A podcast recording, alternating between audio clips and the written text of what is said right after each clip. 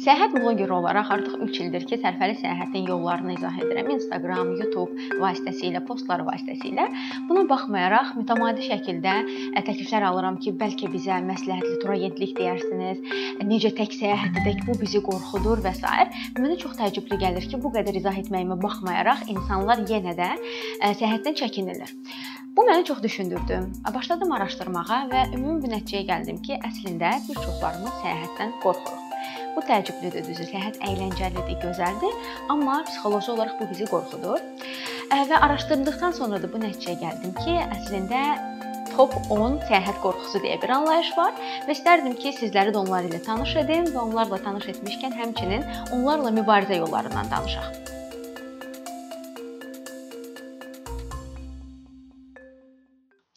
Odur ki, Ümumi Azərbaycan cəmiyyətinin əslində qorxduğu top 10 səyahət qorxusu bundan ibarətdir. Birinci, tək səyahət etmək qorxusu var bir çoxlarımızda və bunun qarşısını almaq üçün, yəni bununla mübarizə aparmaq üçün yaxşı olar ki, yaxın məsafələrə səyahət edəsiniz. Yəni sizin yol yoldaşınız olmaması səyahət etməyə mane olmamalıdır əslində. Sadəcə yaxın məsafələrə səyahət edin və anlayın ki, bu sizə çox şey öyrədəcək və çox şey qatacaqdır. Və sonra artıq uzun səyahətləri də tək edə biləcəksiniz, buna əmin olun. Özüm də belə başlamışam.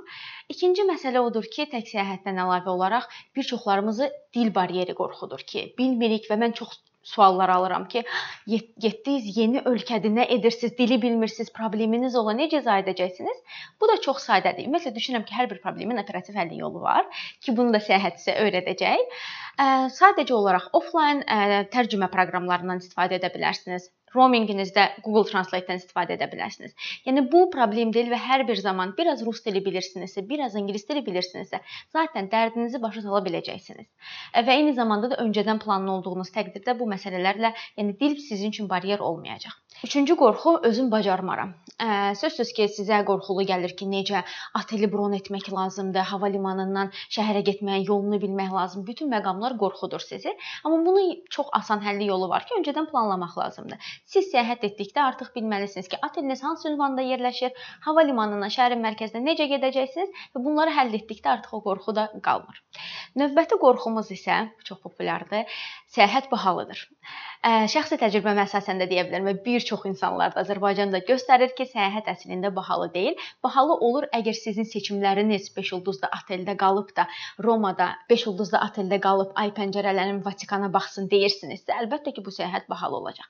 Yox, siz prinsipial olaraq Romaya gedim də Vatikanı görüm, hosteldə də qalsam olar. Düşüncəsindəsinizsə, o zaman sözsüz ki, səyahət sərfəli olacaqdır və hal-hazırda da sərfəli səyahət üçün bütün mümkün olan e, imkanlarımız var. Low coster olsun Gürcüstandan olan uçuşlar olsun və s. Yəni bu mümkündür. Bu yönümdə düşünsəz, bu qorxunuz da qalmayacaqdır. Növbəti qorxumuz da itmək qorxusudur ki, bilmədiyimiz ölkə, bilmədiyimiz şəhər və bu bunun da sözsüz ki, həll yolundan ibarətdir ki, sadəcə olaraq offlayn xəritədən istifadə edəcəksiniz və hər zaman offlayn xəritə sizə göstərəcək ki, hardasınız, nə edirsiniz və bunun üçün də Maps-mi tətbiq etməsindən istifadə edə bilərsiniz. Növbəti bir qorxu da ola bilər ki, sizi orada aldadarlar, bahalı deyərlər məbləğini və s.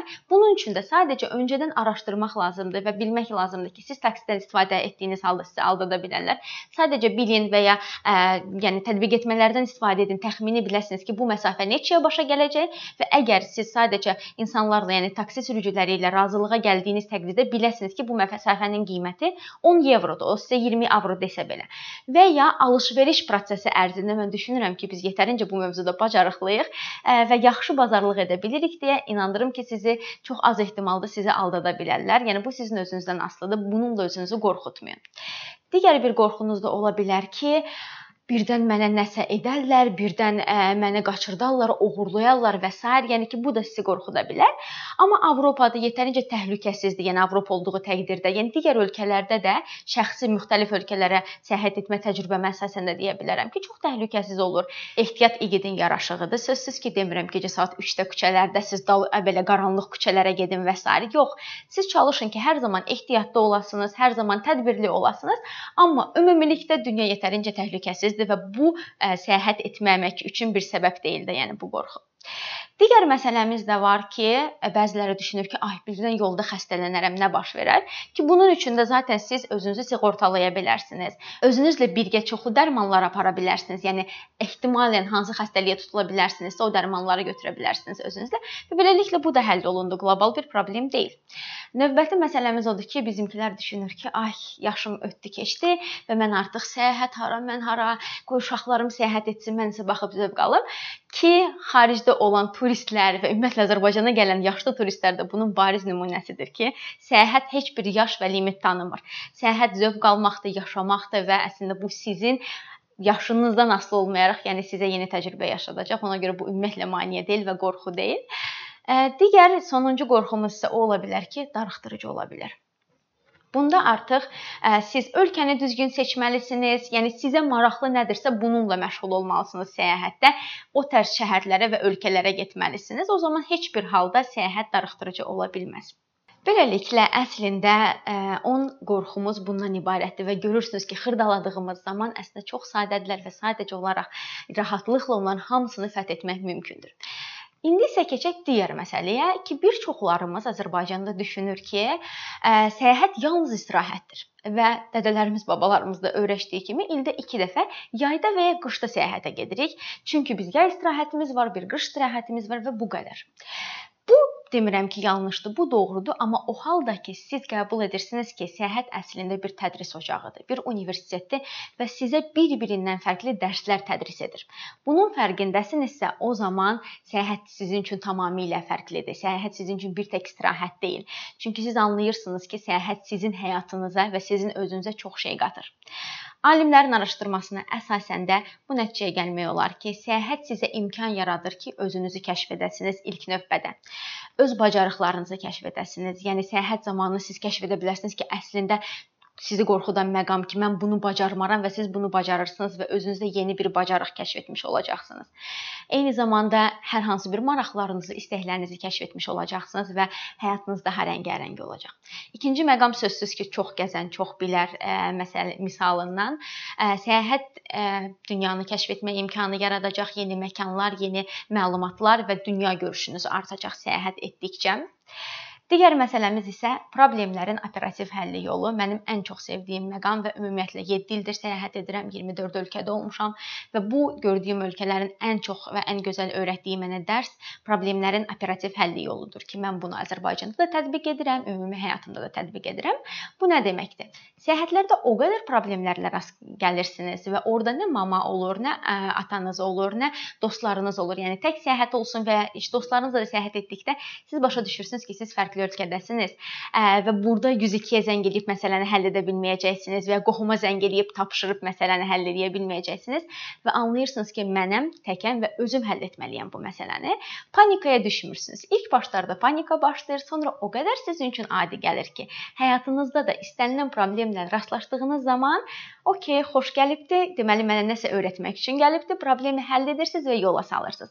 Və bu sizə rahat yaşamağa da imkan yaradacaqdır və səyahətlərim mənə bunu öyrədib və ilk təcrübəmi hətta bölüşmək istərdim ki, deməli valideynlərimdən bir təhər icazə almışam, İstanbula səyahət etmişik rəfiqəm ilə birlikdə. İlk 3 günü təlim idi. Sonra isə qərar vermişdik ki, 3 gündə əlavə qalıb İstanbulu kəşf edək. Və Azərbaycanlı orada yaşayan dostlarımız bizə demişdi ki, sizin üçün hostel tapacağıq, hər şeyi özümüz təşkil edəcəyik. Amma son gün bəlli oldu ki, nə hostel var, nə özləri var ətrafımızda, yəni ki, məşğul idilər və Taksimdə iki xanım qalmışıq, bilmirik harda gecələyəcəyik, necə gecələyəcəyik və həyatı boyu heç bir otel və hostel bron etməmiş bir insanam. Rəfiqəm ağlayır, panikadadır və mən başa düşdüm ki, ilk başda mən də panikadaydım və ilk 10 dəqiqədən sonra mən başa düşdüm ki, dostlar telefona zəng ə, cavab vermir. Mən başa düşdüm ki, ya axşam biz Siriyalı qaçqınlarla birgə burada yatırıq, ya da ki mən məsələni həll edəcəm və otel bron edəcəm, gedəcəyik həmin otelə. İnternet tapdıq, mən onu bron etdim və biz 1 saat sonra hostelddə idik artıq və artıq rəfiqəm ağlamır, xoşbəxtdir ki, həll elədim. Məsələni çox sağ ol, sənə halaldır və sər və mən onda başa düşdüm ki, əslində bu necə də sadə bir iş imiş və mən özüm üçün bunu qloballaşdırırdım. Və çox sadə idi, həll etdik məsələni və özümdə yeni bir bacarıq kəşf etdim ki, əslində səyahət edərkən mən heç kəsə güvənmək məcburiyyətində deyiləm. Özüm də bu məsələni həll edə bilərəm və əslində mən bunu bacarırammış nəticəsinə gəldim. Və bu digər hallarda da çox olubdu. Digər vəziyyətlər olub ki, gecə gəlmişəm və olub ki, məni ümumiyyətlə avtobusda unudublar. Yəni bütün 48 avtobusun sərnişini düşüb və məni avtobusda unudublar və sən ayılırsan səhər-səhər ki, sən Makedoniyadasan və avtobusda qalmısan, avtobusun qapısı bağlıdır. Və bu məsələləri o qədər rahatlıqla həll edirdim ki, yəni mən panikaya düşmürəm və s. ki, bunun hamısını da mənə səyahət öyrədib. Odur ki, sizlər də səyahətə bu yöndən baxmalısınız ki, sizin həyatınıza yeni bacarıqlar və yeni biliklər qatacaqdır. Digər məsələlərdən də biri özgüvəndir. Siz bunları etdikcə, bu problemləri həll etdikcə özgüvəniniz artacaq və özünüzə daha da əmin olacaqsınız. Digər məqam yeni dostlar və yeni tanışlıqlardır. Səyahətdə çox yaxşı olar ki, siz hər zaman yeni tanışlıqlara açıq olasınız. Misal üçün, ə, səyahət edirsiniz, gəzirsiniz, free turlara qoşulmusunuz, hosteldə kiminlə tanış olmusunuz. Unudun ki, mamalarınız, nənələriniz sizə deyib ki, tanımadığın insanlarla danışma və s. Siz əksinə baxın ki, yeni insanlarla danışmaq yeni mədəniyyəti kəşf etməkdir, yeni bir dost qazanmaqdır. Yəni bu baxımdan baxın və bu ünsiyyət sizə çox şey qatacaq həyatınızda. Ki mən hər zaman səyahətlərimdə çalışıram ki, yeni insanlarla tanış olum, mənlə danışmaq istəyən olmursa belə özüm danışmağa çalışıram və bu yeni insanlar və yeni dostlar qazandırır ə, həyatınıza. Digər məqam isə daha tolerant olursunuz. Etiraf edək ki, biraz konservativ ölkəyik, konservativ düşüncələrimiz var, amma bu səyahət sizin o düşüncələrinizi, o baryerlərinizi aşmağa imkan yaradacaq göz gördükcə öyrəşir. Və siz gəzdikcə, gördükcə sizə əslində Azərbaycanda dəhşətli gələn məqamlara tamam fərqli bir yöndən baxmağa başlayacaqsınız və bu sizə adiləşəcək və daha tolerant bilinə çevriləcəksiniz hər bir mövzuda. Odur ki, bu da qazanacağınız gözəl xüsusiyyətlərdən biridir. Və ən əsası isə səyahət sizə imkan yaradacaq ki, həyatınızda istədiyiniz seçimləri belə deyək, ümumiyyətlə həyatınızı necə yaşamaq istədiyinizi daha aydın şəkildə təsəvvür edə biləsiniz. Çünki səyahət sizə çox böyük, geniş seçim verir. Siz görürsünüz, ixtisaslar olsun, seçimlər olsun, iş yerləri olsun, sahələr olsun. Sizin artıq bir tək Azərbaycan mühiti deyil də dünyadan da xəbəriniz olur və seçimləriniz daha geniş olur. Düşüncəniz daha geniş olur və bu artıq sizin həyatınıza da təsir bağışlayır ki, siz daha belə deyək də özünüzü özünüzü anlayırsınız, daha self-aware ingilislər bu sözə deyir, daha belə özünüzü kəşf edirsiniz və həyatınızı daha xoşbəxt və daha aydın şəkildə davam edirsiniz. Ümid edirəm ki, sizlər də mənimlə razısınız ki, səyahət möhtəşəmdir, əladır. Mən ələxüsus da deyə bilərəm ki, sərfəli səyahət daha da məsələni məxsusi edir, çünki siz sərfəli səyahətdə daha çox şeylər öyrənirsiniz. Amma necə səyahət edək sərfəli yolla sualını verirsinizsə, gəlin ətraflı izah edin. Əslində iki seçimimiz var. Belədir ki, siz müxtəlif layihələr, tədbirlər vasitəsilə səyahət edə bilərsiniz ki, o zaman siz layihədə iştirak edirsiniz, əlavə günlərdə isə ölkəni və ya şəhəri kəşf edə bilərsiniz. Bununla bağlı sizə deyə bilərəm ki, araşdırsaz çox yaxşı olar. Erasmus Plus proqramları, Erasmus proqramı, universitet çərçivəsində exchange proqramları ilə maraqlana bilərsiniz. Mevlana ola bilər və ya istənilən başqa beynəlxalq tədbirlər ola bilər ki, sizə imkan yaradacaq ki, sizin yol xərcləriniz qarşılansın, otel xərcləriniz qarşılansın. Siz sadəcə olaraq orada qaldığınız 3 gün üçün əlavə qalacağınız 3 günün xərcini belə deyək də özünüz qarşılayacaqsınız və beləliklə səyahət edə bilərsiniz. Ümumi mənim 24 ölkəmdən 15-inə bu layihələr vasitəsilə getmişəm ki, bütün xərclərim qarşılanıb, ona görə də minimal səyahət səyahətlərim başa gəlibdi. Digər məsələ isə şəxsi limitli büdcəniz ilə səyahət edə bilərsiniz. Bunun üçün isə siz 5 məqam ilə tanış olmalısınız. Birinci məsələ low coster anlayışıdır. Low costerlar nələrdir? Bunlar daha aşağı qiymətlər təklif edən hava yollarıdır ki, Azərbaycanda bu da Airways-dir, Wizz Air-dir hal-hazırda, Gürcüstandan Ryanair, Wizz Air-dir. Bunları araşdırsaz siz görəcəksiniz ki, bir çox low costerlar sizə imkan yaradır ki, 9 avro, yəni 18 manata siz Avropaya bilet alasınız. Yəni bunu araşdırın araşdırdıqda bu sizə imkan verəcək ki, siz rahatlıqla da öz təyyarə biletlərinizi ucuz qiymətə ala biləsiniz. İkinci məqam isə gecələmək məsələsidir. Gecələmək məsələsinin sərfəli yolu odur ki, siz hostellərlə tanış olasınız.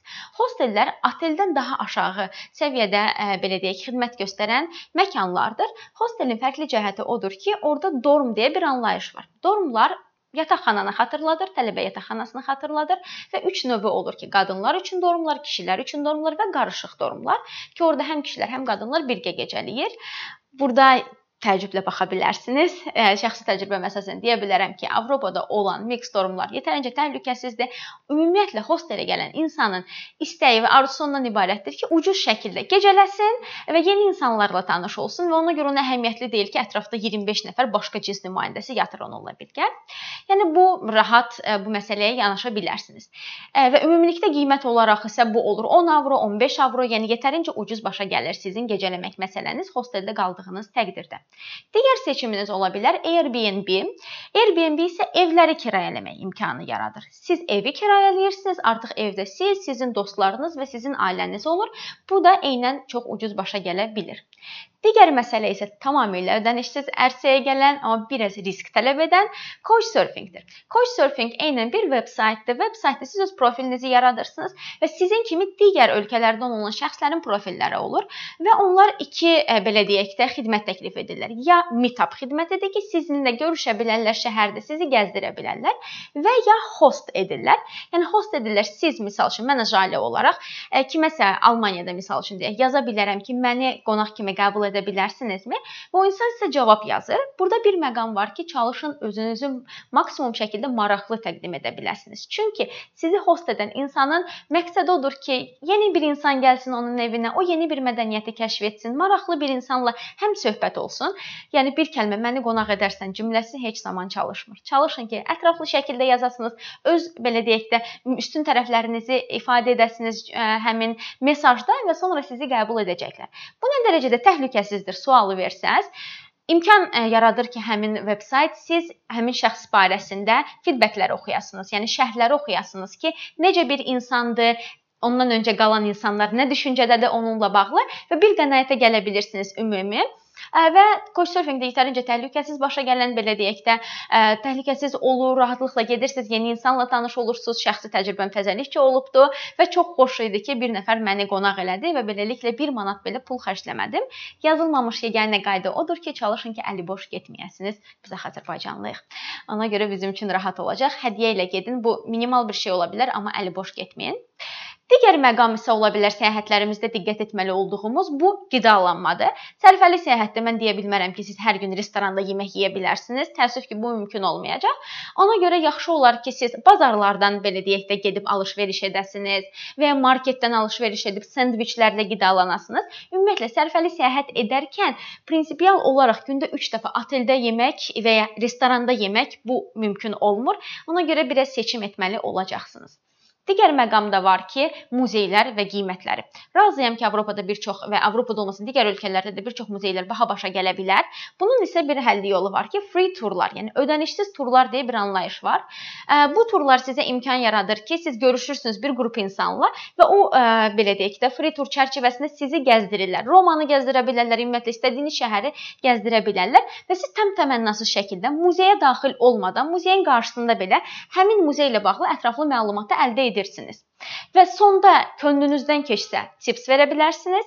Könlünüzdən keçməsə sadəcə təşəkkür edib belə deyə pulunuz olmasa təşəkkür edib ayrıla bilirsiniz. Və bu sizə imkan yaradır ki, biri var özünüz Kalizeyə baxırsınız və heç nə anlamırsınız ki, burada nə baş verib və həmçinin də 20 avronuz yoxdur ki, içəri daxil olasınız. Amma free turla gəldiniz və siz başa düşürsünüz ki, əslində Kalizeydə nələr baş verib və niyə bu tikili var əslində burada.